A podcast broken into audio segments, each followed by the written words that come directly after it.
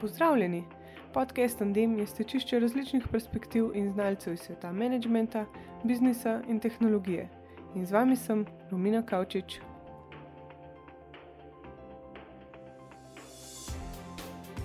Vam je znano, da prodajniki govorijo, da prodaja pada, ker ni bilo dovolj kvalitetnih lidov, marketerji pa na drugi strani zatrjujejo, da prodajniki ne delijo informacij iz trga.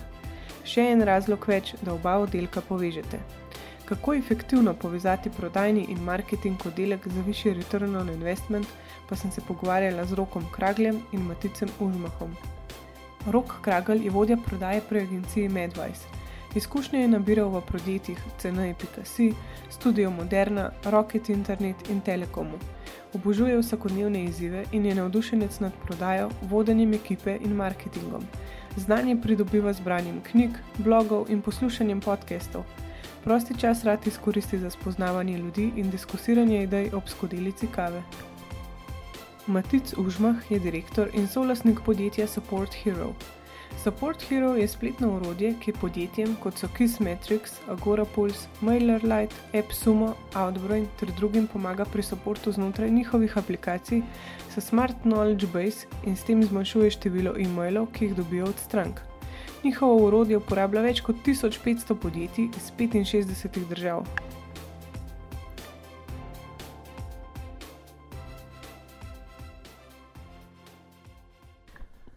Živijo obema.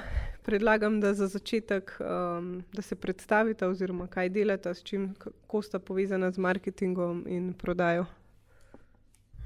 Uh, Živijo, najprej hvala za povabilo.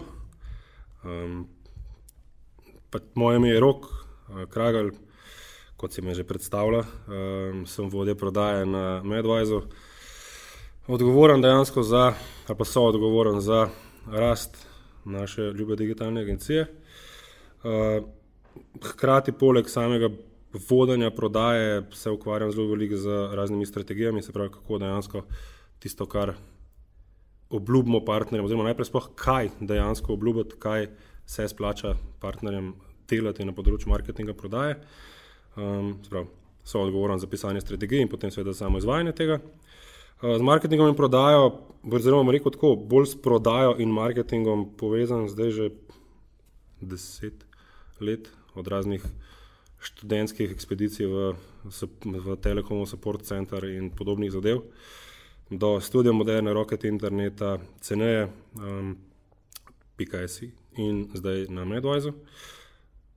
Vedno bo odgovoren za prodajo, zdaj je en izmed večjih pridobitev pač mojih osebnih zadnjih štirih letih, pa dejansko je ta aspekt marketinga. Tako da, in short, če se lahko predstavim kot strokovnjak za prodajo in marketing, za povezovanje marketinga in prodaje, kako narediti pač ta sklop ekipo bolj učinkovito. Ja, živijo, hvala za vabilo. E, moje ime je Matic Užmah in vodim podjetje Support Hero. Locirani smo v Parizu in pomagamo pretežno SAS podjetjem pri supportu. Torej, pomagamo jim povedati, kateri support artikelji delujejo na, na njihovi strani in preko Smart Knowledge Base v bistvu pomagamo njihovim strankam jih izobražiti o produktu, ko so recimo ne, uporabljajo aplikacijo in ne vejo, kak feature deluje, um, takrat prileti v bistvu naš uh, pop-up. Um, na eni strani damo analitiko uh, podjetjem, da vidijo, kateri artikli delujejo, kateri keywordi, kateri search query so pomembni za njihove stranke. Um, strankam pa pač pomagamo, da ne črnejo. Um, trenutno nas je šest. Uh, vsi smo dislocated, um, co-founderja smo pa večino časa v, v Franciji, uh, ostali so v Rusiji, v Ameriki, um, v, na Polskem, pa še enega imamo v Franciji. Uh, zdaj, razlog za to je pretežno. Uh, native speakerja za content potrebujemo v Ameriki, tako da smo ga pač mogli tam najeti, ker doben od nas ni native speaker. Uh, delujemo v 63 državah, imamo cirka 1500 strank, Um, in to je načeloma to. No. Um, jaz skrbim za marketing, prodajo, podporo, vizijo podjetja, um, oziroma deklica za vse. Um, da, ja. Kako pa bi vidva definirala marketing in prodajo, oziroma kje vidite pač te ključne razlike, če sploh so? Uh, um, so. Zdaj, um, ena stvar, ki skozi poskušam, poskušamo zagovarjati, je, da marketing in prodaja v sami osnovi sta ena ekipa. Ne? Mislim, zdaj ne moreš ti imeti v podjetju, imaš v podjetju pač dva ločena oddelka, ampak jih ne moreš tretirati kot da sta sama zase neke dve entiteti, silos, karkoli že. Marketing je driver, oba da sta. Marketing mora biti driver um, rasti podjetja in prodaja hkrati isto. Zdaj njihova pač vsako obdobje svoj del funnela, zdaj marketing je odgovoren za ta top of the funnel in vedno bolj in vedno večji del tudi middle of the funnel, medtem ko prodaja je pač dobra v prodaji, it's literally in the name. Ne? Tako da prodaja v sami osnovi, najkrajše rečeno, mora zagotoviti dovolj kvalitetnih lidov, ki jih potem lahko prodajalci s svojim vrhunskim mahanjem z rokami in z hudim value deliveryjem potem prepričajo tiste ljudi, ki so, da postanejo partnerji. Hkrati marketing lahko sodeluje in tega je pri nas nažalost izredno malo v razvoju produkta, ker se produkti razvijajo pač sami zase, v nekem vakumu, večinoma. Medtem ko prodaja pač mora prodati Seveda, zdaj to je zelo simpel povedano, ampak pač prodaja je tista, ki na koncu je tisti heroj, ki proda tisto zadevo, ki so jo marketing pomagal razviti in marketing pripeljal potem lide noter. Um,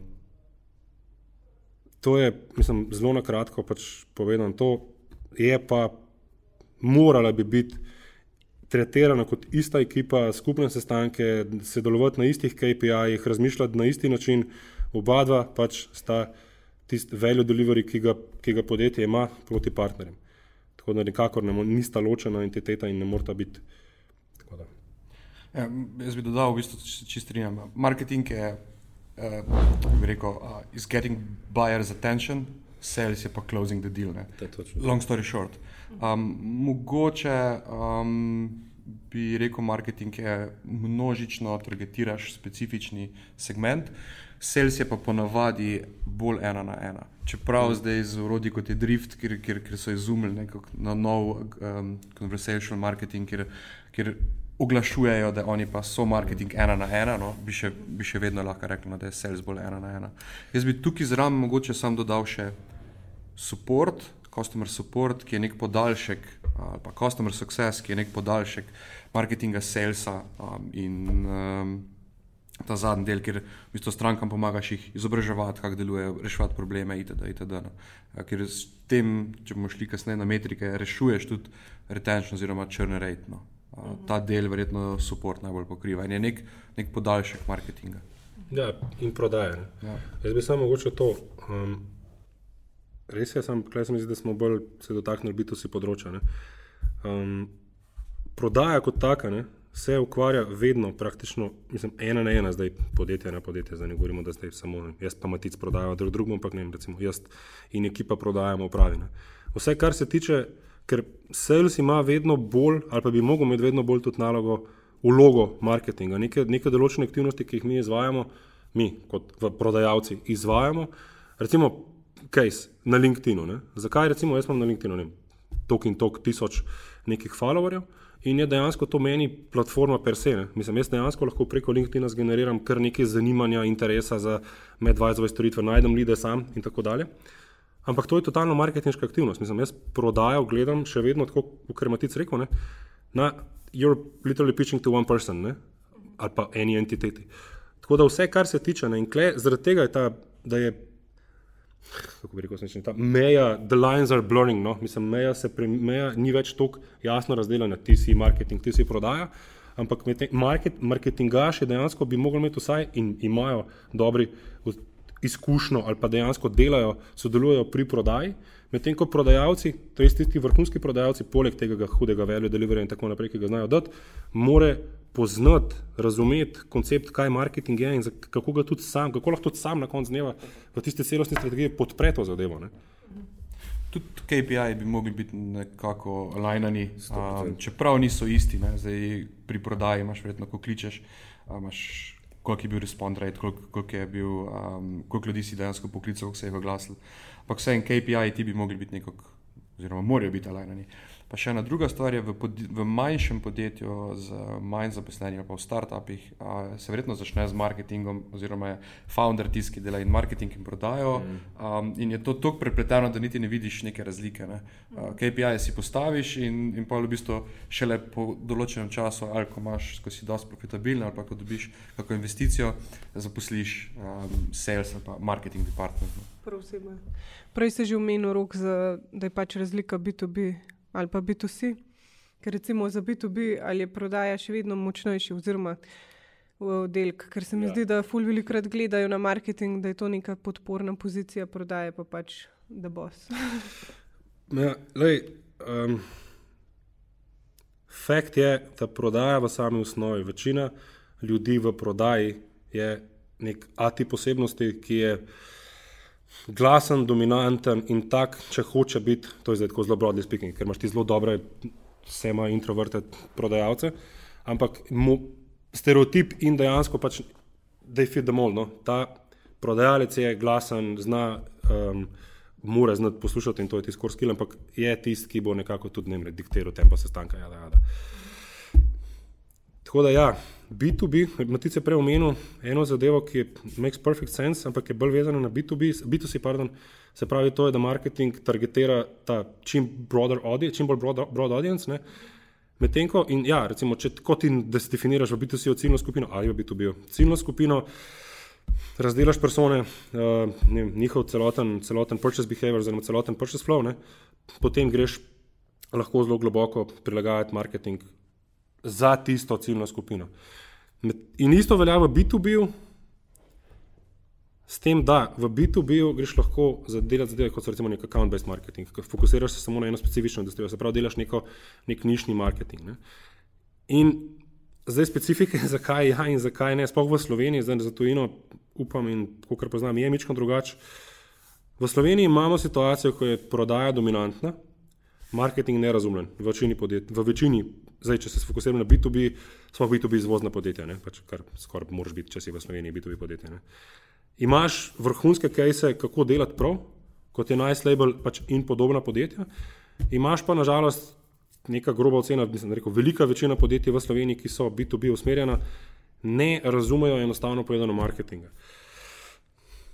Zdaj pa to, da ne bo izpadel kot nek neke, neko prazne puhlice. Mi smo ogromno na vezi z B2B podjetji, ogromno sodelujemo, delamo z njimi strategije, pogovarjamo se z njimi in so, imaš ogromno enih zelo dobrih izkušenj, ampak večinoma dejansko so usmerjena v prodajo in prodaja, basically obdeluje celoten funnel. Prodaja dobi nalogo, najdite kontakte. Kje, kje hodiča naj jaz najdem kontakte? Ne grem na LinkedIn, pa se delam lastno bazo, 5000 kontaktov, ki jim bom jaz pošiljal mail iz nekega free mailčim accounta, je malo morgen. Ok, če to znam in sem primoran to delati, bom valjda to delo, ampak prodaja je dobra v prodajanju, ne v marketingu. In zaradi tega mora, sploh v B2B segmentu, ko so sales cycli daljši, kompleksnejši, pač nakupno en kup enih udeležencev je dejansko v tisti, v, ki na koncu sprejme odločitev. Ni tam, mislim, targetiraš direktorja, super, top, ampak on je lahko na koncu ta key decision maker. Kje imaš ti influencerje, ki dejansko napolno influencajo na njegovo nakupno odločitev? Sploh po nekih teorijah, challengers, challengers in tako naprej, je eden izmed kor, um, kor problemov, recimo nekega prodajalca prodati zaradi tega, ker dejansko je toliko enih influencerjev in toliko enih decision makerov v samem podjetju. Tako da ja, mislim, da je long story short, preden na polno zapademo, ker to so lahko štiri članke na samem podkastu. V Sloveniji, v B2B segmentu je marketing podrejen prodaji, namesto da bi pač bil del iste ekipe, ki bi deliverala veljo v obliki lidov prodaji in bi prodaja bila na terenu in delala spet to, kar dela najbolje prodajo. In tako bi dejansko imeli podjetja, bi rasla, podjetja bi imela neprimerno več, več prihodka, prodaja bi bila neprimerno boljša, marketing pa bi dejansko upravljal svojo nalogo. Ne? Rabaš pa kompetentne v tem primeru B2B marketingaše, ker pač kjer jih imaš veliko in imaš tudi, ne, recimo v DMS-u imaš celo B2B, B2B, B2B sekcijo, kjer je super ekipa ljudi in pač tudi tisti, ki so v sami tej sekciji. Je pa tako, ne. najverjetneje bi lahko naredili še marsikaj na tem, sploh treba je dati ziv ljudem, zaradi tega, da lahko rastejo. Če večina podjetij dejansko pač B2B me, v, v B2B segmentu meče marketingaše v isti koš, ne. organizirate božično zabavo, pa mogoče kakšen sejem, pa pomagate, najte mi nekega dizajnerja. Ne. to ni glih izziv. Ne. Izziv je, da je, Romina, mi gremo zdaj, odprli bomo trg Francije, naredimo go-to-market strategijo. Top, mislim, gremo v to smer. Ne. Kako pa sploh vzpostavimo marketing in prodajni oddelek? Zdaj, če pogledamo neke razlike v malem podjetju, imamo verjetno samo enega ali pa dva človeka in prodaja in marketing, oziroma ta marketing je spet, pač, kot smo že omenili, social media in tisoč drugih stvari še dela. Pol, če pa pogledamo neko večjo podjetje, je pa spet pač razlika, ker verjetno imate že odločene oddelke prodaje in marketing. In kako zdaj sploh vzpostavimo neke tule? In tako vem, da ni še bilo ne, ampak kako bi se tega lotili? Okay, um, jaz lahko dam v bistvu primer za čisto našo ekipo. Torej, um, malo SAS podjetje um, z um, tremi osebami, ki delajo na marketingu. Um, idealno je, če imaš CMO-ja, pa, pa marketing menedžerja, pa ne vem. Uh, PPC menedžerja, pa SEO experta, pa conversion rate um, menedžerja na strani UX experta. Ampak ponovadi v malem timu, um, sploh če je ekipa, ki začenja, uh, je to ponovadi ena oseba, oziroma cela ekipa v eni osebi ali pa v dveh osebah. Uh, definitivno se morajo prvo postaviti cilji, uh, to, kar si že prej omenil, lide dobiti je verjetno najmanjši problem, ampak treba narediti research, kdo so, kdo so tvoje stranke, kdo so tvoje ciljne stranke, ugotoviti njihove probleme, um, uh, ugotoviti, kje se oni gibajo, demografiko, kaj pijejo, kaj jejo, uh, kaj berejo itd. Um, in, in pripraviti neko, neko, neko strategijo. Um, kako se bomo lotili tega marketa. Največji problem v malih podjetjih je, da verjetno budžet ni velik. Ne? A, tu ne moreš operirati za ne, pol milijona mm. mesečno, ne? ampak je včasih budžet je nula ali pa, ali pa skoraj nula. Tako da veliko manevrskega prostora za testiranje ni.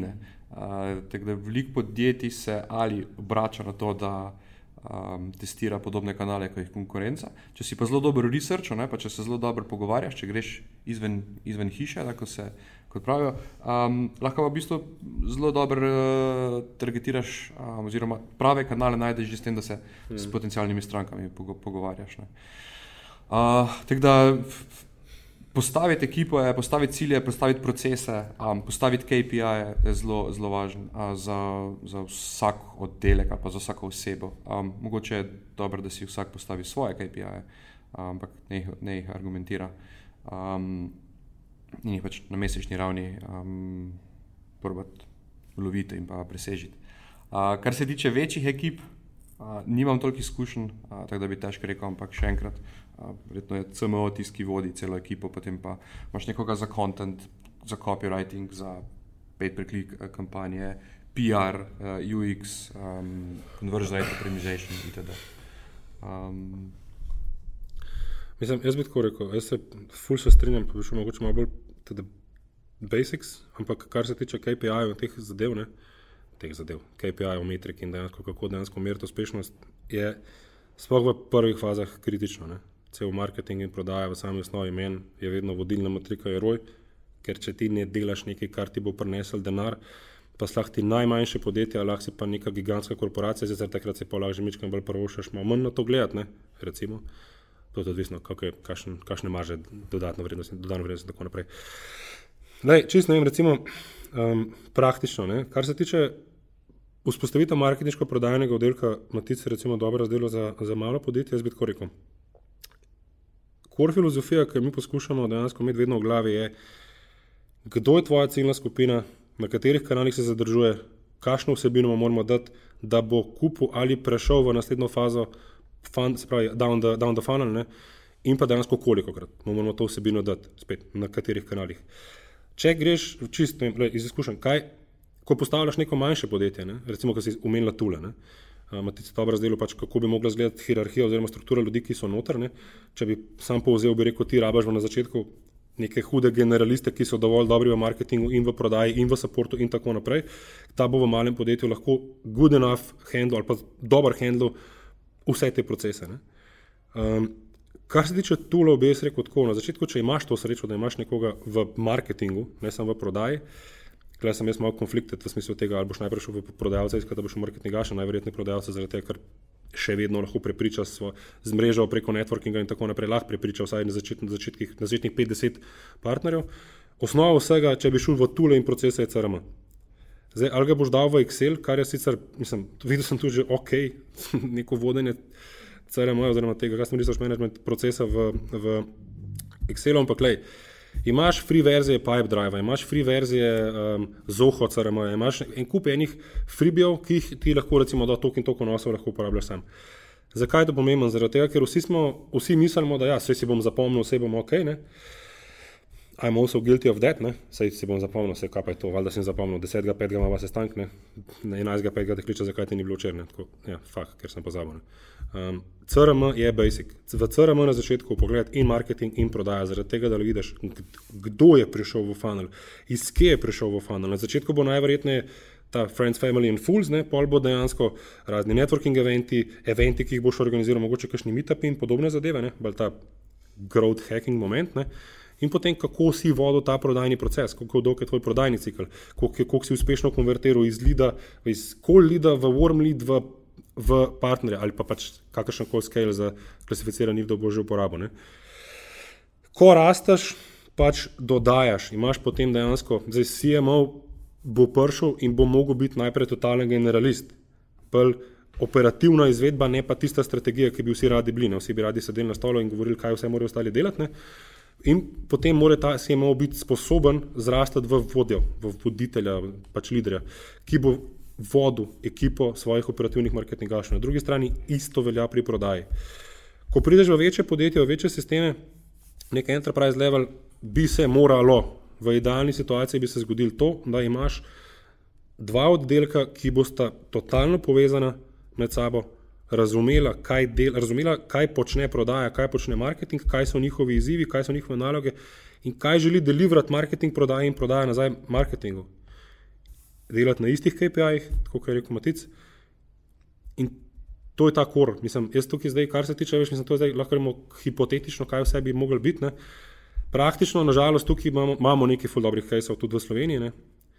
ampak pač na sami svoji mora biti, mora priti potem to, kar smo že prej rekli. Ne? Marketing v, tudi v, v velikem sistemu sploh mora suportirati prodajno ekipo pri njihovem delu in posuportirati razvojno ekipo, zelo cel R&D, z market researchom, z beta testingi, z, z feedbackom iz trga, feedbackom userjev, zaradi tega, da je lahko produkt na koncu toliko boljši.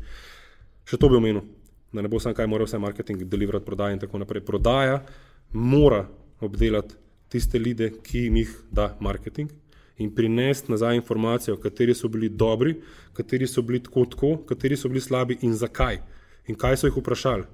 Kle pade, pade na testo prodajni, ogromno prodajnih ekip, ker je na koncu dneva, ne, ja, ne kličemo zaradi tega, ker ste na zadnji dal slabe lide, pa ker nam vse čas dajete slabe lide. Ok, kul, cool. počkaj, te mora ego, ego mora spustiti. Ok, rok, zakaj so bili slabi lidi? Zaradi tega, ker niso hoteli kupiti. Ja, ok, rok zakaj niso hoteli, kaj, kjer pa jim nismo pravilno um, nagovorili, kaj je njih še zanimalo. Dej, dej nam informacijo. In moš imeti na sestanku, v debati, v pogovoru z tvojim potencialnim partnerjem tudi to v glavi. Kaj vam jaz prinesel nazaj, Romini, kjer je informacija, zaradi tega, da bo lahko delala boljši mailing, da bomo lahko pristajalno stran naredili, ki bo speci specifično targetirala samo pain, kako doseči boljši ROI v, v proizvodnem segmentu za, za avtomobilske luči. Ja, v bistvu je največji bottleneck, je verjetno glih to med marketingom in prodajo, so slabi ljudi. Oziroma, ej, slabi ljudi ste dal, vi pa ne znate klozati. Tako da mm. tukaj ta del uh, je, je zelo pomemben. Druga stvar, kar se CRM-ja tiče, bi sam dodal, da CRM-ji so, oziroma vsi online tuli so zdaj tako poceni ali pa zastojni. Mm. Da ni izgovora, jo imamo še dosti budžeta, no. zdaj so po, po, tudi po 20-24 mm. evrov na mesec. To mislim, da si vsaka ekipa lahko prvoči. Ja, mislim, um, da je, sorry, mislim, da dejansko mi dajemo. Ja, tam nekje 20 evrov. Za Pipe Drive 24 dolarjev, ja. pa imaš Salesforce, so oni Belgijci, oni imajo, mislim, da še manj kot to. Um, kar se tiče pa na, um, hiringa ekipe v marketingu, je pa tudi odvisno od časa, ne? Da, mm. da ne hajraš ti nekoga, ki je totalno premočen še za tebe, če si ti v early stage. Mm. In vice versa, da ne hajraš ti nekoga, ki pa je junior, v, ko imaš že ti 50 ljudi zaposlenih. Torej, tudi ne smeš hajrati v hitro raztočem podjetju, ne smeš hajrati nekoga za čez dve leti. Ne. Ker on je za čez dve leti pripravljen, ti pa v tak, takem obdobju, ko rasteš, ne vem, rasteš ne vem, 15% na, na, na teden ali pa, ali pa celo več, um, moraš imeti vojaka, ki je pripravljen um, ki je sposoben uh, executati trenutno stanje, ne čez dve leti. Ne. In to, ta hiring je dost, dost ekip naredi na robe. No. Jaz sem že tudi bil v enem podjetju, ko so overhirer in dejansko je bil CMO, ki je, bil, ki je prej vodil podjetje z vem, 500 zaposlenimi, ampak prideti pol nazaj na 10 ljudi, ni bil pravi environment za njega. Ne. In se je izkazalo kot potrata časa in denarja. No. To sem samo hotel še zraven dodati. En great point, klep, ta vojak, ki je sposoben executati.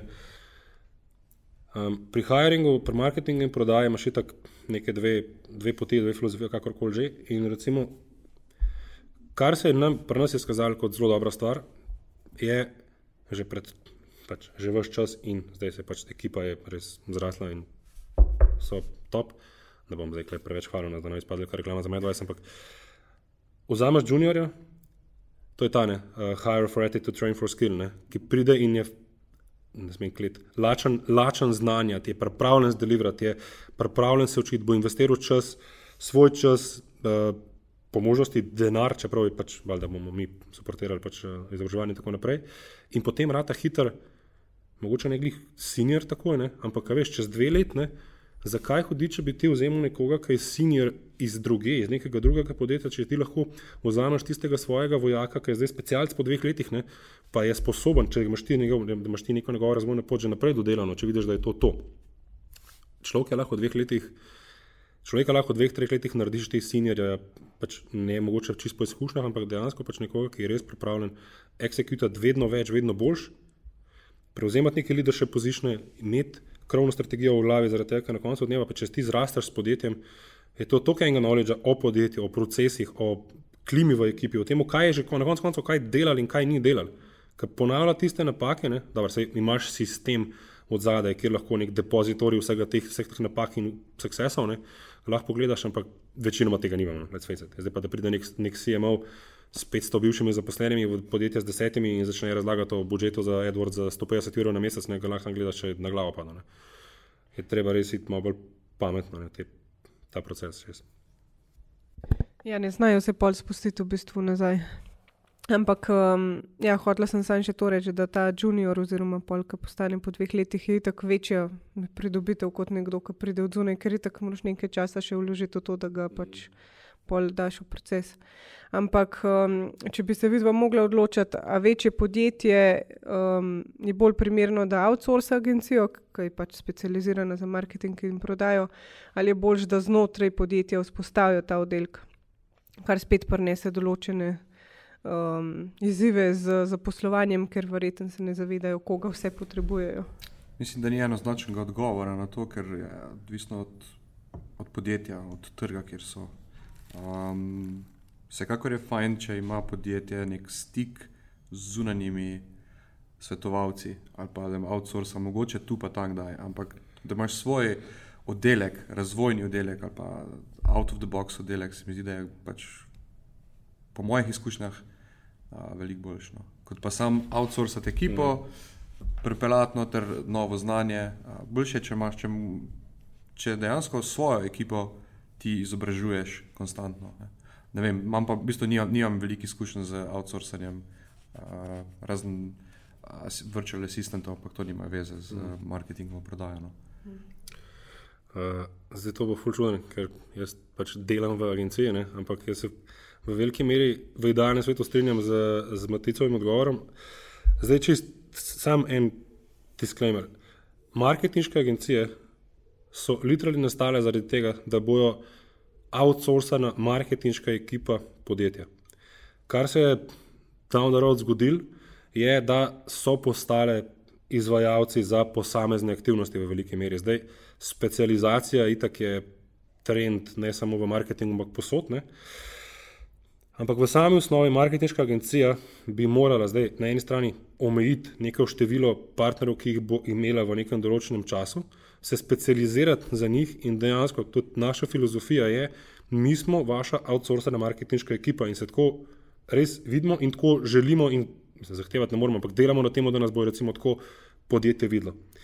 Edino tako lahko pride do nekega zaupanja, lahko pride do neke izmenjave informacij, lahko pride do tega, da dejansko lahko mi delivamo vedno večji veljo kot agencija. Agencija lahko delivra vedno večji veljo partnerskemu podjetju, če te vidi kot zunanjo marketinško um, ekipo svojo, kot svoje ljudi. Zdaj, kot je Matic rekel, ni enoznačnega odgovora, ampak ena. Če boš ti gradil in-house ekipo v tej klimi, pa recimo se fokusiramo na Slovenijo, ne? ena, rabaš velik budžet, zaradi tega, da boš ti dobre ljudi pripeljal v, v ekipo. Zakaj? Zaradi tega, ker um, zato je totalno mogoče subjektivno mnenje, ampak dosti bolj seksi delo je v agencijah, kot pa v nekem B2B proizvodnem podjetju ali pa kakršnem koli podjetju tega tipa že, vsaj v glavah marketingašov. Um, v agencijah so že tako ali tako skoncentrirani, the best talent je skoncentriran v agencijah. Se pravi, rabaš ogromno budžeta, imaš huge issues, prej smo se dotaknili um, zaposlovanja. Ne? Kaj se ti zgodi, če hajraš juniora, kaj se ti zgodi, če, če hajraš over the top, ne pravi nekega prevelikega sinja. Moš imeti hiring proces popeden, pa noben ti ne garantira, da ta človek ne bo šel. Se pravi, zgraditi ekipo je kompleksno. Upside tega je, da če ti uspe zgraditi res dobro ekipo interno, a ja, pa kle, zaradi tega tudi prihaja ta employer branding in tako naprej, zaradi tega, ker kot podjetje moraš imeti dober brand, da bo hotel imeti romino ali pa kdorkoli že tja prijeti in delati za to podjetje, da ti je tako, jaz pa delam vem, na Apple, pizda, ali, pa, ali pa na Google. Ne. Um, kar je dobro pri tem, je, da če imaš interno ekipo, vse to je Matej že zelo rekel. Imaš interni knowledge, imaš ljudi, ki so res, ki živijo s tvojo prodajno razvojno ekipo, ki razumejo podjetje do nule, pa ki so najverjetneje tudi bolj predani. Se pravi, živijo v neki v veliki meri tudi zato, da bo ta podjetje uspelo. Na drugi strani imaš agencijo, kjer so zbrani, upam reči, najboljši strokovnjaki za marketing v, na katerem koli trgu pač že kreativa, izvedba, operativno in tako naprej. In lahko z, nekim, z neko dobro strategijo, ampak klej je roko na srce, skoraj bolj odvisno od partnerja, kako bo šel to, se pravi od naročnika, kako bo šel v to razmerje. Ne? Mi smo totalno odprti za to, da pride kdorkoli, ki ga mi pač prepoznamo kot sem, ne subtilnega, um, primernega partnerja, da bomo šli mi z njim v strateški odnos, da bomo mi njemu razvili v tem primeru cel digitalni ekosistem. In verjamem, da so, da so vse marketinške agencije take. Na drugi strani, če nekdo pristopi, pa pravi, mi pa rabimo, mi hočemo biti pa prvi na Google. Ja, super, zdaj mi lahko te delamo samo vse optimizacijo, ne? se bo neki, ne? ampak kaj boš pa?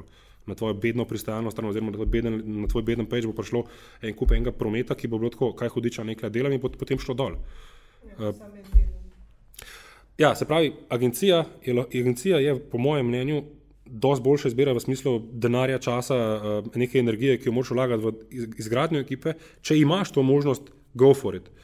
Um, ampak spet, mislim, mislim, da je lažje, ampak pejte, zdaj, če nekot na svet, pejte v sodelovanje z agencijo, ki jo boste zbrali na strateškem nivoju, ne bo, va, ne bo to vaša marketinška ekipa, ker drugače bojo samo izvajalci. Ja, pa tudi, kje jaz vidim manjši problem, je, da podjetja včasih niso pripravljena executati. Zdaj ti lahko eh, vzameš agencijo, ne? pa agencija ti pravilno pomaga, pa svetuje. Pa vse, mm. Ampak če znotraj podjetja, ki najame agencijo, niso pripravljeni trdo delati, executati, pa poslušati agencijo, ki si jo najel, zato ker ve več kot ti, mm. um, bojo rezultati zelo slabi. Če se zelo močno zavedaš tega, verjetno delaš tudi na tem, da imaš znotraj ekipo, ki, ti, ki, ki že sama zna executati. Mm. Uh, tako da se verjetno se vi veliko bolj s tem srečujete. No? Uh, da, da, so, da so nekatera podjetja zelo poslušajo, pripravljena mogoče spremenjati kakšne stvari znotraj uh, njihovih podjetij, da, da dejansko dosežejo to, kar vi svetujete. Kle, um, kle, ja, problem, problem tega je ego. Um, zaradi tega, ti imaš, recimo, spet v Sloveniji in posod druge, najverjetneje. Um, imaš ljudi, ki, recimo, imaš ljudi na vodstvenih pozicijah, na vodilnih pozicijah, ki se zavedajo, če se fokusiramo recimo na digital, ne, na digitalni marketing. Ne, ki se zavedajo, da recimo, ali pa marketing per se, market, da marketinga ne obvladajo, in zaradi, ampak in ga zaradi tega ignorirajo. In so tako, do zdaj smo delali, kot smo delali, prodaja, zakon, prodaja je kraljica vsega, gremo, vse bojo naši prodajalci to zadevo zrihtali. Imaš pa podjetja, kjer vejo, da ne, da ne znajo delati marketinga, ne znajo izvajati marketinga, in bo šel do nekoga ven in bo rekel, da je ta nam pomagati. In to je meni hvale vredno. Pač, jaz imam fuor respekt do ljudi, ki dejansko pač dropnejo ego in rečejo, moja odgovornost je, da je moje podjetje raste, da delamo vedno bolje, ampak na tem delu smo še slabi in ne znamo. Zato bom poklical, zdaj boš naredil raziskavo, pač malo poprašal, koliko katera agencija je dobra, ali bom naredil svojo ekipo ali bom šel v agencijo in potem to ne prepustiš, ne da prepustiš, ampak greš v strateško partnerstvo in pustiš, da ti agencija pomaga in jim daš ta, to motivacijo, da, ti, da se čutijo kot del ekipe. Samo ni tukaj tudi izziv, recimo, če pač tako kot si rekel, nimaš ega, jaz rečem, moje podjetje ne zna delati marketinga, da pol ta oseba, ki je odgovorna za komunikacijo z agencijo, ponovadi je to nek vodja projektov, redko kdaj je direktor, ker pač je že to neko večje podjetje, da pol kljub temu ne znajo zaupati, ker ne vejo. Ne? Ja, mislim, lej, zdaj tako je, ne, ta, nekako že, da, the road to, ne, ne, pardon ti boš prišel do neke, neka dolga pot do uspeha in moraš delati korak za korakom. Lej, čist iz naših izkušenj. Zdaj, če ti prideš, mi, mislim, mi, kar se tega tiče, mi smo res mislim, na ta del, na ta način delamo. Želimo pristopiti kot strateški partnerji. In če nekdo na drugi strani pusti svoj ego na strani in reče, rok pomagaj. Um, moram tudi jaz spustiti svoj ego in reči, okay, kako bomo pomagali najboljš, pa kako bom jaz razumel, da mi nismo bogi, bogi batina um, in nam ne bojo kar prepustili tem, celotnega marketinga takoj. Dajmo najprej iti v cikl delavnic, dajmo spoznati tega partnerja do potankosti. Dajmo se dvakrat, trikrat dobiti na sestanku, prezdelati ciljne skupine, persone, nakupne poti, prodajne procese, ki jih imate trenutno postavljene, kaj že delali in kaj ste probali in kaj ne dela, kako mi, kakšne izkušnje so naše iz podobnih industrij ali pa iste industrije iz, iz podobnih podjetij oziroma konkurenčnih podjetij. Potem postavlja strategijo in potem imaš ti prve tiste operativne success, success case. Postaviš neko digitalno kampanjo za sejem, ki vem, ti, ti prinese toliko in toliko kontaktov in toliko in toliko enih kvalificiranih sestankov. Ta zadeva, ko se izkaže kot vrhunska, kar do zdaj se še vedno je, si zgradil zaupanje. Pač zaupanja ne kupaš, zaupanja ni kar tako, živo, jaz sem rok, jaz sem mu pomagal postaviti marketing, tako stop, mi tebi zaupamo 100%. Ne, un je, un, najverjetneje še vedno tako, hej, upam, da bo res, ne, bomo videli. Ne. In pole čez en let, ko imamo mi deset succesov za sabo, ne pa tako, hej, top. Oni, oni so naši partnerji in jim zaupamo. Ne. Veliko smo se govorili o egu, eno, eno zelo dobro knjigo bi priporočal komorkoli, ki se sooča s svojim vlastnim težavam, s svojim vlastnim egom. Ego is the enemy. To je super, super knjiga. Uh, ti kar mal na realna tla postavi. Drugač pa še na, na temo ega, ego is the enemy, top, pa imaš pa še, um, kaj že, the empty boat od Ošuta, pustimo zdaj. Um, Kakšna, kakšna osebnost v zadnjem, in tako naprej. Ampak dejansko je, jaz sem to zadevo bral, uh, na jadranju proti Grčiji in sem prišel nazaj, tako skuliran, s tako manjšim ego, da me je še obrat vprašal, če sem v redu, če z mano vse ok. In to sem po eni knjigi.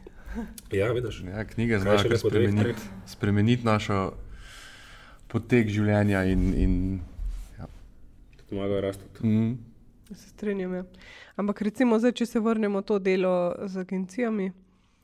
Um, naprimer, če dam primer od Matica, njegovega podjetja, da on bi želel svoje podjetje, pač ta vaš produkt, um, najdete eno agencijo za marketing. Se mi zdi, da bi bilo to dosti teže, ker pač vi poznate produkt v nulo in v bistvu se sploh ne predstavljam, da bi agencija boljš vedela od vas, recimo za produkt. Tudi v bistvu je težko, da bi bila ona skozi v kontaktu, recimo dnevno, kaj imate vi za načrt za nares, kakšne feature je pa tako. Um, mi redko outsourcamo to, um, ker smo še zelo, uh, zelo majhni.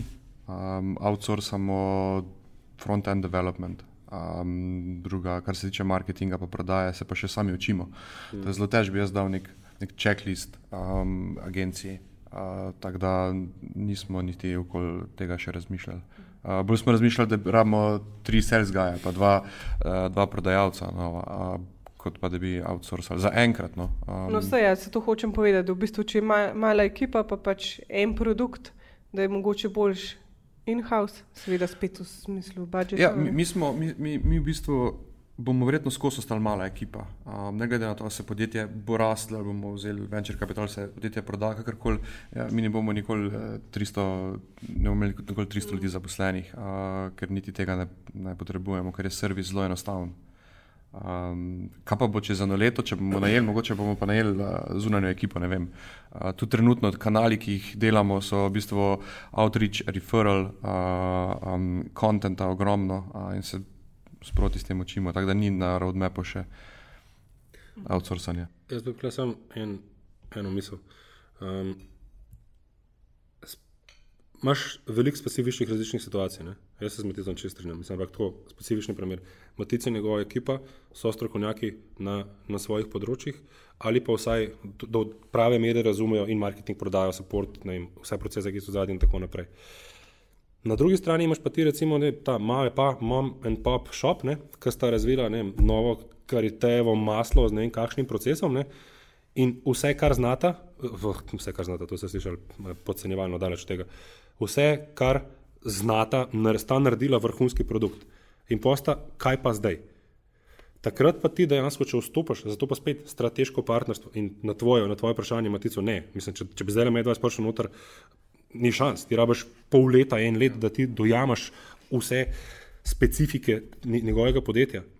Ampak, ko ga pa enkrat gasi, pa pač njegova zunanja ekipa. In če se vrnemo tistega mame papne, če se ustrezno in na dober način ustvari neko strateško partnerstvo, se pravi, zdaj to na začetku lahko nek, nek višji procent od prodaje, lahko je karkoli že, se pravi, nekaj, kar je v oksitin koza cela, ne, ima slaba primerjava, ampak um, lahko močno pomaga rasti.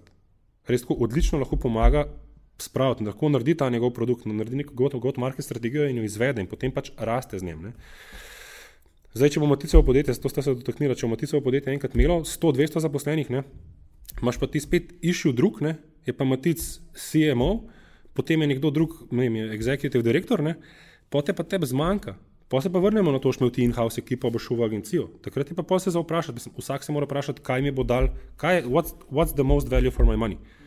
In ponovadi, pol, ko rasteš, je potem to neka zunanja ekipa. Razen, če si, če si res dober in gradiš svojo ekipo že od samega začetka, kar je pa tudi meni preferable. Mislim, jaz, če bi imel svoje podjetje, pa možnost graditi svojo ekipo od samega začetka, bi jo gradil sam, od samega začetka, ali bi imel pa vsaj enega ali dva vrhunska projektna, vrhunski projektni vodji, ki štekata marketing, štekata, kaj je naša strategija in potem vse čas to komunicirajo z nekim zunanjim izvajalcem. Ne? V bistvu mi smo najeli eno zunanjo ekipo, zdaj sem se spomnil. To je tako izpadlo, da si tako. Ne, moram res povedati. Moram, ja. e, mi smo najeli, v bistvu, mi smo imeli kar dosti problema z onboardingom strank, torej ko stranka mm. od vizitorja do do prvih 60 dni uporabe našega produkta. Um, slabe, slabe konverzije smo imeli tudi za SAS, ne, uh, so bile zelo slabe konverzije. Smo v bistvu najeli ekipo, uh, ki nam je pomagala postaviti, oziroma nas naučiti, uh, naučit, ne, ni nam postavila vse in-app message, vse evente, mm. vse te zadeve. Um, da, da smo zna, začeli razmišljati, ker oni nam ne morejo tega postaviti, ker mi bolj poznamo naše stranke. Mm. Tako si rekel prej, uh, oni bi rabili pol leta za to. Ne? Uh, in so v bistvu šle konverzije po vsod gor, na no. vsakem delu funnela je šlo gor. Za. Zdaj v bistvu delamo glihen članek 100 Days of Customer Success at Support Heroes, dokler je bilo res uh, očitno ne, na, na, na prosto oko si videl, da so se. Da se od, od tega, da, da smo imeli boljšo konverzijo od visitor to trial, od trial to paid client, od tega, da smo upsellali več. Ne. Vsak step smo, tu smo v bistvu outsourcali za to. Kako so agencije. vas pa to naučili, mislim, ste imeli neke delavnice, kako sploh poteka ta proces? Um, njihov Dave je v bistvu takrat me poslal mail in rekel, hej, um, v bistvu sem šel čez tvoj onboarding, uh, tule je pet korakov oziroma pet slajdov. Na prvem slajdu je pokazal, kako dobro delamo, oziroma od 1 do 10 je bila ocena 7, na vseh ostalih slajdih smo imeli oceno 2. S tem je pripričal, da se moramo ja, slišati. Um, in potem smo se pogovarjali o produktu, uh, kje, so, kje so tisti, kje je tista ha moment, kjer stranka reče: wow, to bom začela uporabljati, kje je tisto, kar rabi stranka višji paket. Uh, mi imamo v bistvu tri pakete, torej za start-upe, za medium size, pa enterprise biznise. In glede na to, da pač hočemo povečati average uh, revenue per customer, ne, si želimo delati mm. upsell iz medium na, na enterprise. Uh, tako da zelo hiter je bil onboarding, v enem tednu smo začeli delati z njimi. Uh, mi se tudi probujemo zelo hitro premikati. No, in, uh, ja, tukaj nimam na pamet rezultatov, ampak um, Mislim, da, da so, da so vse, vse metrike so bile zelene v enem mesecu. Eh, zdaj le tudi, ko gledamo, vsak mesec naredimo review, kaj, kaj je še kaj za popraviti. Zdaj so res mm. mikro, mikro messagi, uh, ki, ki se še popravljajo. No. No, recimo, klej, ne, tega prej nismo, okay, rekli smo specializacije. Ne. Jaz bi predvideval, da Dave, ki je eh, mogoče več pamet podjetje, se še spomniš. Uh, Dave je imel prej Ninja Outreach, Ninja Outreach, Ninja prodal, zdaj pa Alba Cross. No, recimo te pri bivšem Ninja Outreachu ne, so več kot očitno specializirani za, za to, da imaš ti čim manjši črn, da je čim večji retention, da imaš ti. Da, imaš ti, da so specializirani so dejansko za to, kar so ti ponudili. Less churn. Less churn. Yeah, less churn. Ok, cool. In veš, lahko pa ti vzameš zunanjega, ne rabiš zdaj. Govorili smo o strateškem sodelovanju in tako naprej. Okay. Ampak, če si ti manjše podjetje in imaš specifični ne, Lej, naš črn je full visok, pa full slabo upselamo iz medium v high price paket, da je dej pomagi mi. Ne? Veš, okay, ne veš točno celega procesa, ampak veš, pa ne veš, kakšni bi točno zdaj, ampak če te vprašam, koliko bi ti bil pripravljen zdaj le plačati njemu, da ti, da ti to zadevo postavi, če bi vedel, zdaj kaj veš za nazaj, ne rabiš, ampak veš, je odgovor, ne vem, najbrž nekaj tisoč evrov, kakorkoli že. Tukaj smo spet pri ego, dva ure, tri ure, kakorkoli že da je zadovoljen, ti si fulž zadovoljen, v enem tednu ste imeli zadevo zrihtano, v enem mesecu so bili vsi rezultati zeleni. In če se vrnemo nazaj na ego, ne, ne, nismo, nismo, nismo dobri v tem specifičnem segmentu. Fulmamo visok črn, ne vemo, kaj narediti, dajmo najti specialista zunanjega partnerja, ki nam bo pomagal ta del. In ko prideš enkrat do tega nivoja, kot smo prej rekli, ki porabiš enega zunanjega, greš pa tudi v to smer. To, to, to je top story, mislim, ko mi čakam članek. Um, kako pa bi podjetje sploh mo, um, moralo določiti um, metrike, oziroma kaj so tiste najbolj osnovne? Rekla sta že pač return on investment, ampak. Odvisno od podjetja, um, jaz lahko zdaj za, pretežno za SAS govorim, ampak um, mi mirimo vem, 50 metrik, pa ne bi šel za vse, ampak Customer acquisition cost, verjetno so ena od bolj pomembnih metrik, takoj zatem pride um, LTV, oziroma koliko denarja ti stranka pušča na mm. njihovem življenjskem obdobju. In, in tudi ratio med njima, a, torej, da je customer acquisition cost in pa, in pa lifetime value stranke nekaj večji od 1 proti 3, zato da lahko več vlagaš nazaj v marketing. Uh, churn rate, torej koliko strank zgubljamo na mesečni ravni, uh, je zelo pomemben, čim nižji, uh, da čim več strank obdržimo. Um, v našem primeru spet MRR, torej mesečni prihodek, mm. oziroma um, new, new, new, new MRR, torej koliko jih dodajamo, ko enkrat uh, churn rate po, se popravi. Uh, zelo dost dajemo mi, ker smo v podporu, no, uh, dajemo na net promoter score, torej mm. koliko so stranke pripravljene te priporočati, ja, priporočati drugim.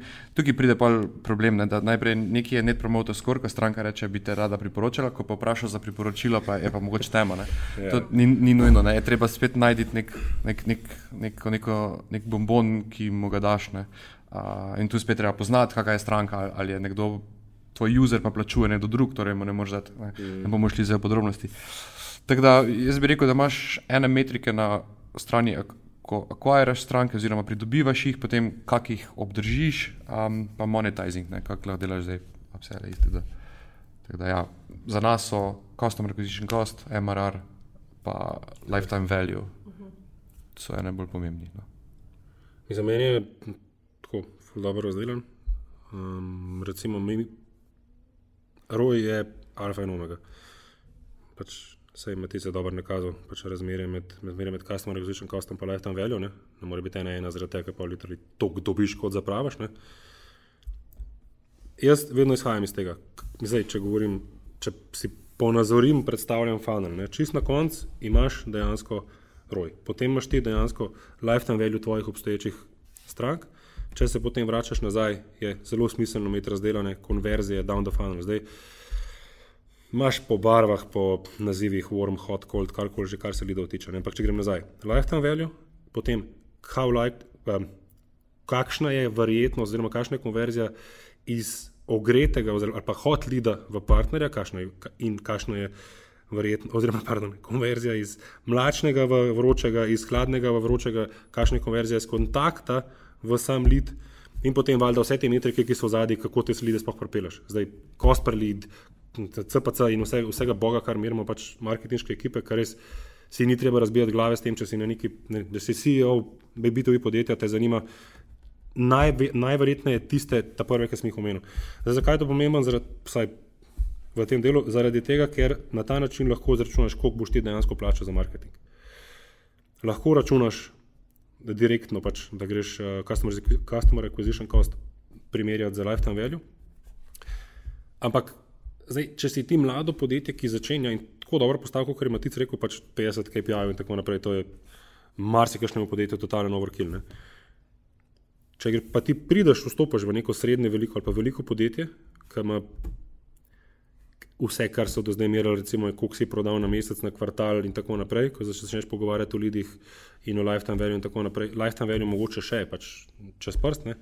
je pa full smiselno iti nazaj, razdelaš cel proces in razdelaš za nazaj, kakšne so konverzije po tem marketinško prodajnem lijaku, liju in potem postaviš vse metrike za nazaj. Jaz mislim, da te metrike operativnega marketinga, CPC, vseh teh, ki so dejansko pomembne vem, za nekega operativca, ki izvaja, ali pa za mail, ki izvaja mailing, izvaja kampanje na LinkedIn, kjerkoli že, ne bojo pri njemu. Vsi, ki ko gledaš pa ti nek top-down view, te pa dejansko pa zanima ROI, Customer Acquisition Cost, Lifetime Value. In to je to. Ja, metrik je ogromno. Zdaj, če mm. greš v en segment, recimo pri, samo pri mailingu, ne? imaš open rate, imaš click-through rate, imaš reply rate, imaš, mm. imaš bounce rate, imaš vsega tega. Amin, to je tako, si rekel, to ne ostane pri tistem, ko to dela. Zdaj, če si one-man band, ne? moš poznati vse metrike, uh, kar je super, ne? ker naenkrat postane tudi časih 90. Uh, pa pol jih bo znal dobro, dobro poznal, delegirati delo, ja. ko boš ukradil ekipo. Ja. ja, pa so pomembne samo številke. A bi rekla, da je še kakšna druga stvar, ki jo moramo pač gledati ni samo za intuicijo, ker pač delamo vseeno takih. Je, ko se ti kar naenkrat poveča število strank, ki ti hočejo dati testimonial, veš, da delaš nekaj prav. Ne? Uh, ni to KPI, ampak uh, verjetno je, je tudi KPI. Um, Mislim, jaz imam tako malo konflikte mnenja. Ne? Na eni strani pač delamo, izhajamo in delamo v digitalu, ne? ker ti literalno ni treba ugibati.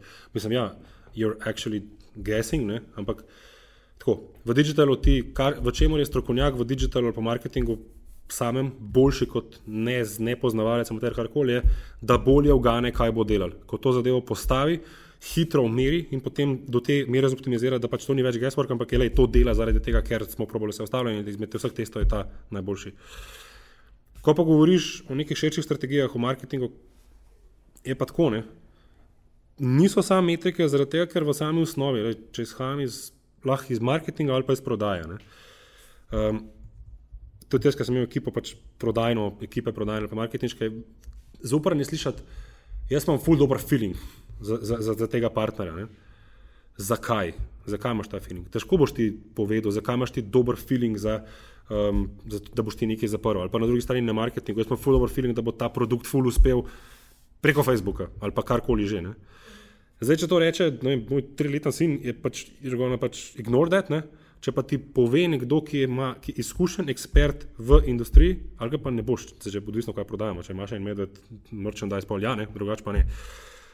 Um, če to ugane ali pa če da tu svoje totalno subjektivno mnenje Romina o tem, kako narediti vrhunski podcast na slovenskem trgu, ja, boš poslušal. Pa ti ne bo rekla zaradi tega, ker imam. 16 tisoč poslušalcev in ne vem, kaj še vse, ampak zaradi tega, ker, je, ker ve, ker ima izkušnjo.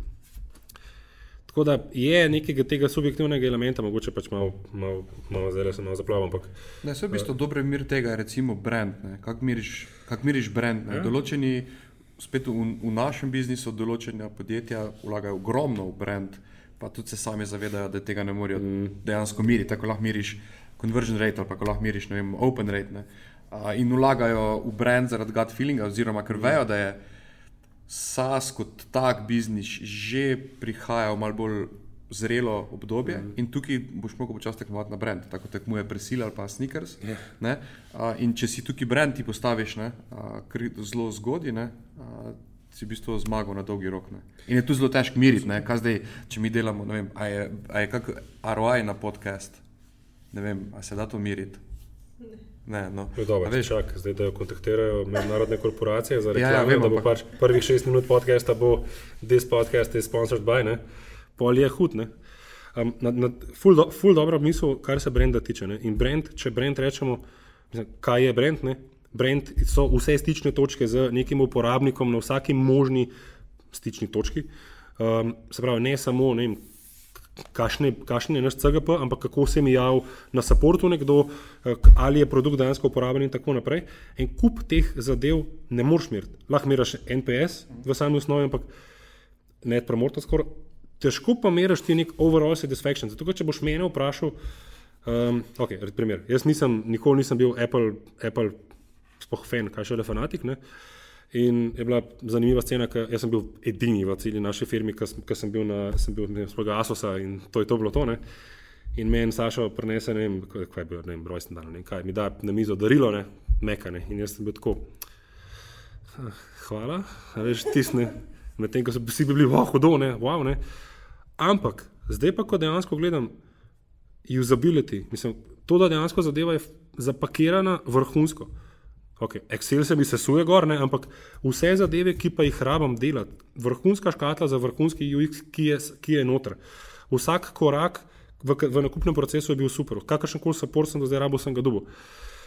Pustimo zdaj, niso perfektni, ampak veš, iz tega vidika je meni njihov brand, mi brand kul. Cool. Zdaj, me boš vprašal, zakaj ti je, ok, sej, rok, mislim, sem že nekaj, nekaj teh povedal, ampak kako boš meril moj odgovor, meni je full všeč UX na, na, vaši, na vašem, na, na MacBook Pro. Ne moreš. Ja. Ja. Ok, ampak zdaj ful govorimo v bistvu, oziroma že cel podcast o digitalizaciji oziroma o nekih digitalnih tulih. Bi rekla, da v bistvu podjetja sploh ne morejo biti več uspešna, če nimajo, um, če niso prisotna na digitalu. Odvisno, kaj definiraš kot uspeh. Če je tvoj cilj biti. Oziroma, da lahko več prodajo. Okay, Da je to pa digital ja, nek to tool. Odgovor je, ja. It's a fact. Mislim, nočem o neki hudi statistiki ali karkoli že, ampak um, 95%, recimo za B2B segment, to je bilo 2014, mislim, da je bila študija od Google, pa vmes je prišlo še od GFK, pa ne vem, koga še vse so, ali GFK, McKinsey. Je, mislim, študij z Unije je cel kup, 95% B2B uh, purchase, um, no, pravi tistih, ki kupujejo v B2B segmentu, uporablja splet za podporo nakupnim odločitev. Pa je bilo, mislim, da okoli 70%, d- ne me zdaj drži za točne cifre, lahko pol preverimo, pa damo ne v notih ali karkoli že, ampak mislim, da je 70% celotne nakupne poti upravljeno na digitalu, se pravi s pomočjo spleta, pa 60% upravljeno preden nekdo, se pravi ta purchaser ne, oziroma ta buyer, dejansko sploh kontaktira tvojo prodajo, če jo kontaktira. In ta, ta, najhu, ta najhujša, v narekovajih, najhujša, najboljša, odvisno v katerem segmentu si ne, da se, mislim, da je že 80%, na zadnji je bilo 73%, da je B2B nakupnih poti začetih se začnejo z vtipkanim keywordom v Google. Ne, ni nujno, da, da, bo, da je, ne rabiš biti, mislim, lahko si uspešen v, brez digitala, ampak spustiš toliko enih priložnosti, I don't get it, zakaj ne. Mislim, tam so tvoji bajeri, tam ljudi, kontakti, bajeri so na spletu, da je postal se na splet, vsaj z neko minimalno prisotnostjo, s testiri, pa boži, da ti ta zadeva nosi denar. Ja, se ne bi mogel bolj strinjati. Um, verjetno je še kak procent dva podjetij, ki še lahko mm. dobro delajo tudi offline. Ne. Uh, ampak večinoma jih pridejo, pridejo na, na, na, na internet nazaj. Vem, verjetno, če si ti v naftnem poslu, ne rabiš biti na digitalu. Pa, Marketinga ne rabiš.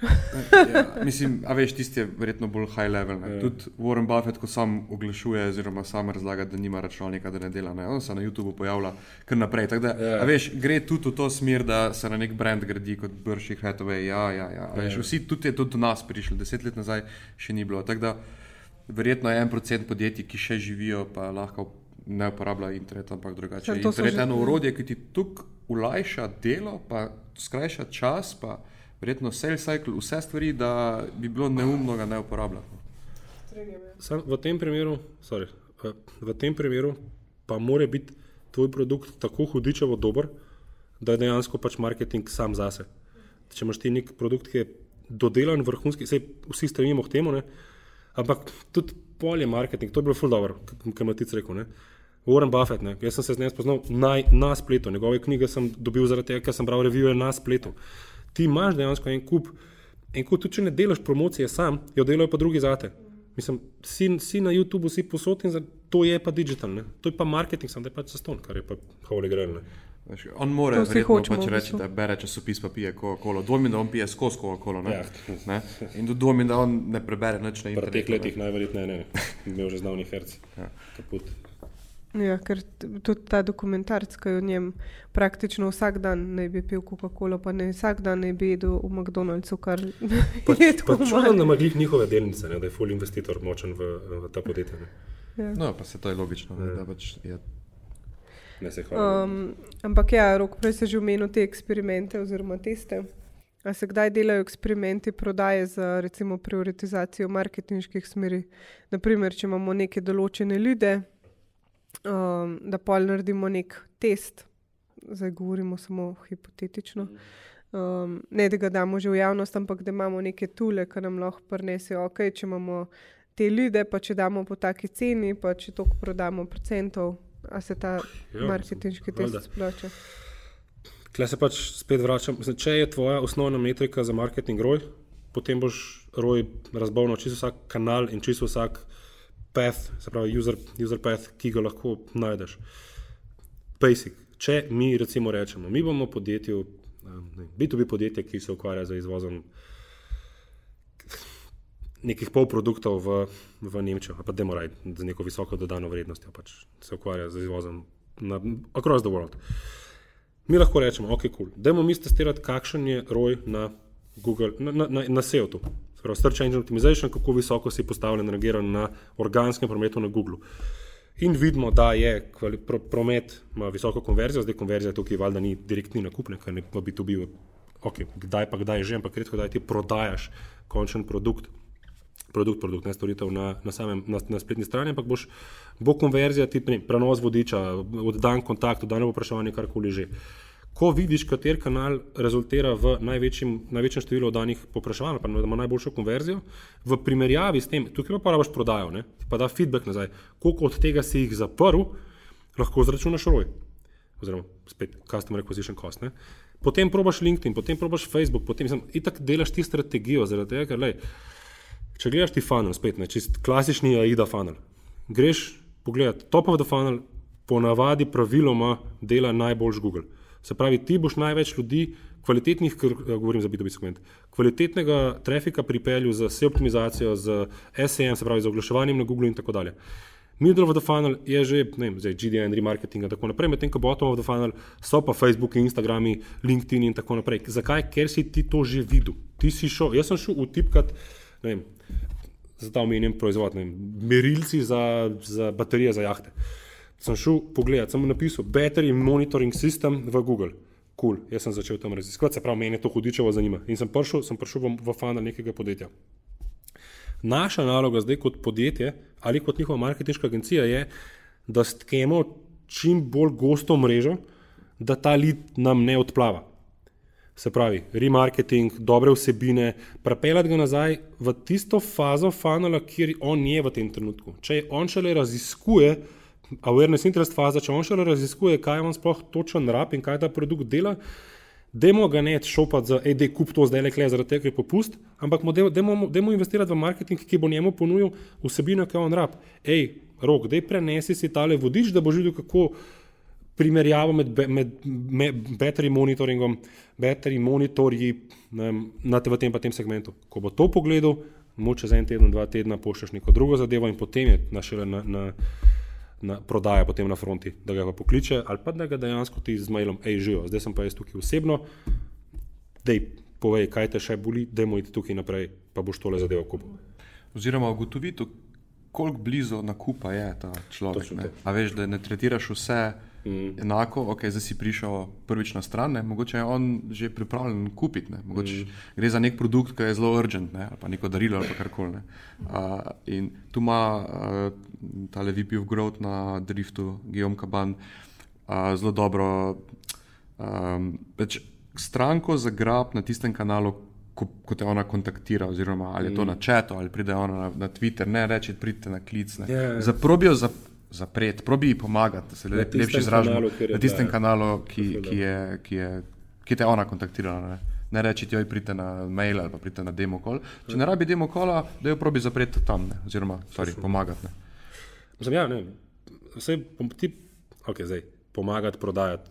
Lej, prodajamo, sploh v Sloveniji, tako je tak negativen prizvok, s tem, da je pač prodaja v sami osnovi, zdaj, klej, pod z disklemerom, da marketing je ravno tako pomemben. Ne?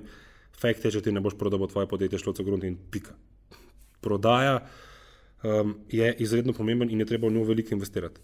Um, aha, ok, lej, čisti primer, kar si fan omenil. Pri nas imamo to različno, recimo, pri nas uporabljamo valjda, različne osebine za različne del fanov in isto pri partnerjih, ampak valjda pri nas je ta zadeva najbolj dodelana, zaradi tega, ker je to kar ena močna investicija. Ne? Kako prepoznati, kdaj je kdo v katerem delu fanera? Če pri nas, zelo en kratek primer, mi imamo raz, vem, pet različnih vodičev za segment, ki te zanima. Zdaj, ali to, imamo marketing, to mešano vodič, imamo lead generation vodič, imamo vodič za prenos spletne strani in tako dalje. Imamo članke, ki so vezani recimo na te vsebine, in marketing automation, ki prepozna, kaj je kdo gledal in koliko časa je bil nekje. Če pride Matic na spletno stran, pa prebere tri random članke, vem, en moj članek, en Sašo članek, pa en uh, Laurin članek, ki, ki so Laurin in članek, ki so med sabo relativno nepovezani iz vidika vsebine. Jaz pišem o povezovanju marketinga in prodaje, la, Laura. o roju na, na, z Google Remarketingom, Sašo o neki celostni strategiji, celostni sliki za marketing. Jaz ne vem, kaj hodič on, on sploh rab. Pride Romina, si prenese vodič za marketinško avtomatizacijo, pride čez dva dni nazaj, si prebere tri članke o marketinški avtomatizaciji, pogleda success case, kako smo z marketinško avtomatizacijo in povečali prodajo za XY in gre potem na naše kontakte in reference. Ja, to je človek, ki je za nas vreden, da ga pre, da pogledamo. Bo šel pogledat Bizi, bo šel pogledat ali pa iPad, ali karkoli že, počekiral, kaj, ali je ona decision maker ali ne. Tudi če ni, se mu oglasiš, hej, čau, a vi to zadevo, sem, vidim, da ti ta zadeva zanima, ali to zadevo rabiš. To bi bil nek tak proces, ki je lahko apliciran na čisto vsako podjetje, nekje lažje, nekje malo težje, ne? ampak vsako podjetje lahko zgradi vrhunski sistem, na digitalno nek ekosistem, povezan z klasičnimi marketinškimi kanali, sejmi, eventi in vse ostalo, vse ostale zadeve. To je daleč od mrtvega.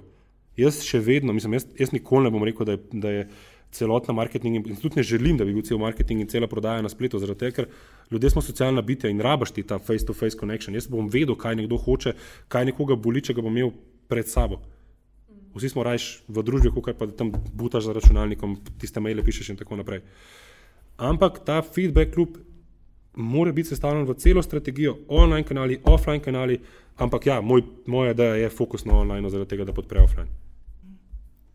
Mogoče smo že kar dosta stvari obdelali, za konec lahko poveste nek na svet ali pa primer dobre prakse, ki bi svetovala uh, poslušalcem. Hm.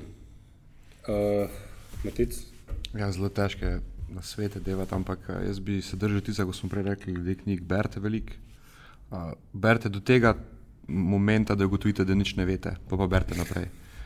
Um, ker tisti je en tak aha moment, sam preseb, da ugotoviš, da je treba rasti čez. Ne, sam, danes imaš tudi audiobooke, ki ti zelo ulajšajo, se peleš iz mm. Kobra v Ljubljano ali pa iz vice versa. Uh, v enem tednu prebereš dve knjige. Um, redka, redka, redka čtiva so, ko moraš zraven sedeti pa si pisati. Dost knjig je takih, ki, ki jih lahko prebereš um, pač v avtu ali pa med tekom. Um, Rekoč, jaz sem še malo premlad, da bi delal fulvelike na svete. Dobro, Aleksandr Veliki je usvojil pol sveta, pa cel znan svet, praktično do nekega leta. Lej, uh, ja, jaz sem tudi tako, ne bom rekel, da ne rad dajem na svet, ampak zdaj znotraj svojega segmenta. Eh, ne, narobe sem rekel, ne bom rekel, da zelo rad dajem na svete, ne obratno.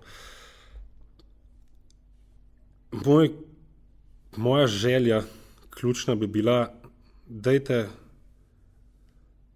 spustiti tega, da se vprašate, ali dejansko delate to, kar delate, zaradi tega, ker dejansko dela, ali zaradi tega, ker ne znate drugače.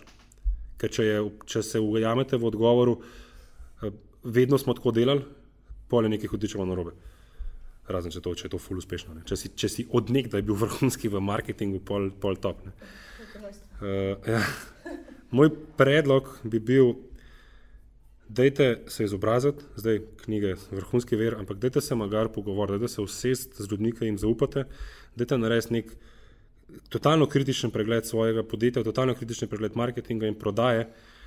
Dajte se obrniti na nekoga, ki ve več o tem, zdaj lahko je to agencija, lahko je to posameznik, karkoli že, in pejte skupaj narediti nek action plan, vsaj kaj je najmanj, kar smo pripravljeni narediti, zaradi tega, da preverimo, ali ta marketing deluje ali ne. ne? In potem pejte v to smer. Dajte imeti v glavi ta roj, dajte imeti v glavi rast podjetja, ne pa, ne pa ego, ker ego, ego je z denami, kot je rekel Fodor Matic. Jaz sem se še spomnil. V bistvu vsi poznamo to, tisti govor Steva Jobsa, ko je na koncu rekel: Stay hungry, stay foolish. Mm. Je, pa mogoče Steve Jobs zdaj, ko se odpirajo pač vse njegove zgodbe, ni glih najboljši primer za perfekt mentorja. Um, ampak bi ta del spremenil: Stay hungry, uh, no, stay hungry, stay humble. Um, glih spet smo na ego nazaj in se mi zdi, da to nam, slovencem, kar dosta manjka včasih. Zelo. Uh, nič ni narobe, če si pač ne ponižen, ampak da pač znaš pristopiti uh, do nekoga, da, da znaš se mogoče da je nazaj potegniti, mm. uh, pa predvsem ponuditi roko, ko je, ko je to potrebno. No. Uh, se mi zdi, da tako malo nas je, da če ne, bi, če ne, ne bomo pa skupaj držali, da je velik, pač velika škoda. Ne. Na tvojo vižo, sam še ena stvar. Dajte se nehati orientirati samo na Slovenijo. Dajte nehati imeti za uspeh to, da ste vem, med top 3 v Sloveniji. Če imate dober produkt, dajte ga spraviti na cel svet. Tam zunaj je 7 milijard ljudi, ne vem koliko desetine milijonov podjetij, ki dejansko lahko, ki je vaš ciljni trg. In tukaj se tako hudičevo hitro zaciklamo v, jaz sem, jaz sem glavni na vasi. Ne? Mislim, tako je že pregovor, boš biti glavni na vasi, kot zadnji v mestu. Ne, ne bi bili zadnji v mestu, ne? ampak če si tu česti v zadnji tretjini v mestu, pa če je mesto Los Angeles ali pa Šanghaj, ne? je to ful boš, kot če si glavni na vasi, kjer je 25 ljudi. Ne? Tako da dejte biti, stay hungry, ne? ja, stay humble. Se mi zdi vrhunska, vrhunska dodelava. Pejte ven, pejte v tujino, pa dajte se zistati marketing, pa ga poveste s prodajo in to je to. Aj, ful vam hvala za vse te izhodišče točke. Mislim, da uh, sta prevetrila malo mišljenje, možganje vseh nas. Upam. Hvala tebi za, za Hvala za vabilo.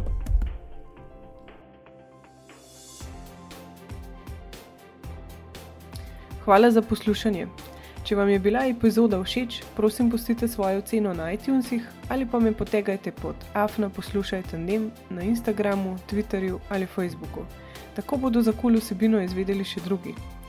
Če pa imate predlog teme za novo epizodo ali pa gosta, pa mi lahko pošljete e-mail na hej, afna poslušajte dnem.si. Se slišimo!